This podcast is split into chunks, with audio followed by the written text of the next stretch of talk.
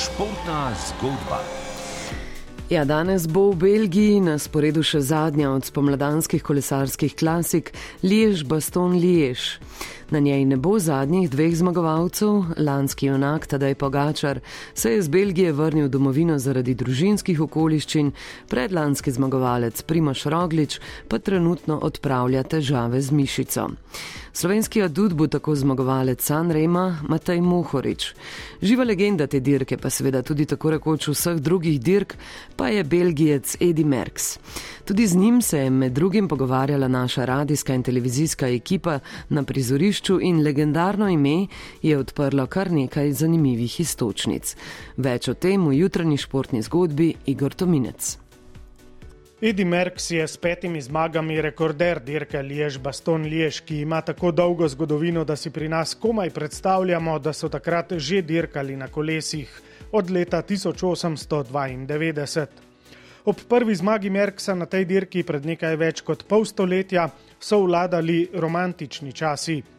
V cilj je Merks takrat prišel skupaj z moštvenim kolegom, s katerim sta se v zadnjih kilometrih prepirala, kdo naj bi zmagal ampak v obratnem smislu, kot si predstavljamo. Merks je na vsak način zmago hotel prepustiti kolegu, ki mu je večkrat pomagal na dirkah. Manj znani belgijec Viktor Van Schil pa je ustrajal, da mora vseeno zmagati Merks, ki je bil že takrat veliki kolesarski šampion.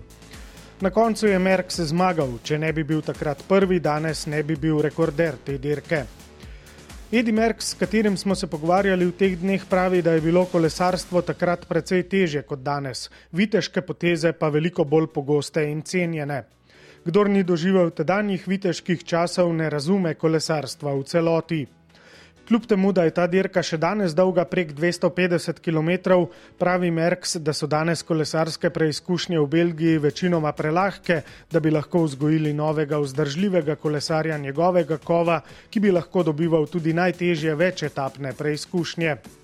Zanimivo, da legenda iz ene od domovin tega športa meni, da Belgiji ne kaže najbolje, da bi kmalo vzgojila kakšnega šampiona tura, ker se mladi tudi v športu enostavno niso več pripravljeni žrtvovati na način, ki ga zahteva kolesarski šport. Meni, da so danes bolj pripravljeni na zahteve kolesarstva v nekaterih drugih državah in tukaj seveda visoko ceni tudi slovenske kolesarje. Pogača, Roglič, Mohorič in drugi naj bi še vedno poosebljali športnike, ki grobo rečeno bolje prenašajo trpljenje, ob tem pa imajo tudi pogum in napadalen slog. Merks najbolj ceni dolge napade, ki naredijo dirko razborljivo in nepredvidljivo. Danes 76-letna legenda še vedno uživa v kolesarskih dirkah, vendar ne hodi več na prizorišča. Pravi, da ga naval ljubiteljev kolesarstva, podpisovanje in fotografiranje tako obremenijo, da nima ničesar od dirke. Zato je postal kavčar v najbolj plemenitem pomenu besede. Pravi, da samo doma dirke lahko spremlja zbrano in v miru.